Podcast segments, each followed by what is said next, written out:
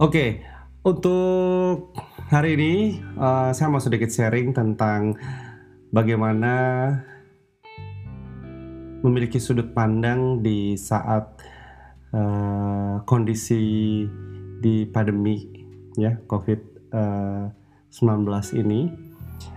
Bagi saya sendiri uh, ini adalah sebuah pelajaran ya.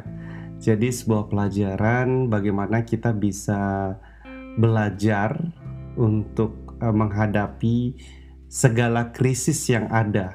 Nah, mungkin menurut saya ini salah satu krisis yang sangat besar ya. Jadi uh, satu ya tetap uh, selalu ada hikmahnya karena di dalam krisis ini kita bisa belajar tentang bagaimana next kita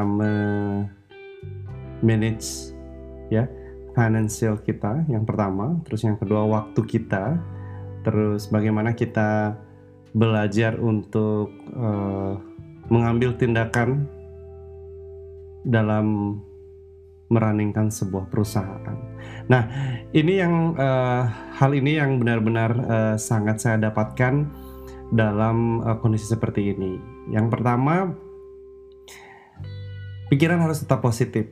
Jadi apa pun kondisinya, kita harus tetap melihat sebuah peluang atau kita melihat cara-cara uh, atau sudut pandang sudut pandang teman-teman yang masih sangat semangat menjalani usaha gitu ya.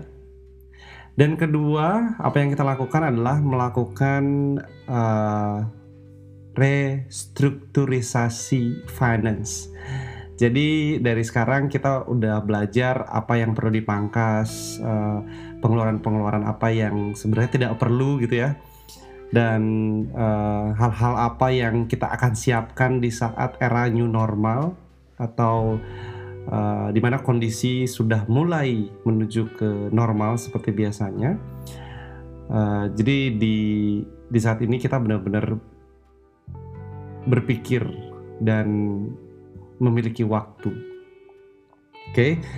Dan yang ketiga yang saya lakukan, yang saya lakukan pada saat pandemi adalah saya lebih uh, menyayangi diri saya sendiri, ya dari pikiran, dari tubuh saya, dari kesehatan saya, dan saya lebih menyayangi keluarga dari istri saya, anak saya, orang tua saya, saudara-saudara saya, adik saya, kakak saya, dan semuanya teman-teman saya. Dan di kondisi seperti ini, saya lebih belajar bagaimana kita bisa menghargai hal-hal kecil ya. Karena uh, terkadang dulu selalu saya berpikir bahwa saya bukan saya tidak akan menjadi orang hebat kalau saya tidak melakukan hal-hal besar. Tapi itu tidak salah ya. Tapi mungkin di saat seperti ini bahwa sebuah kesuksesan atau kebahagiaan itu bukan diukur dari hasil yang diterima, tapi melainkan hal-hal yang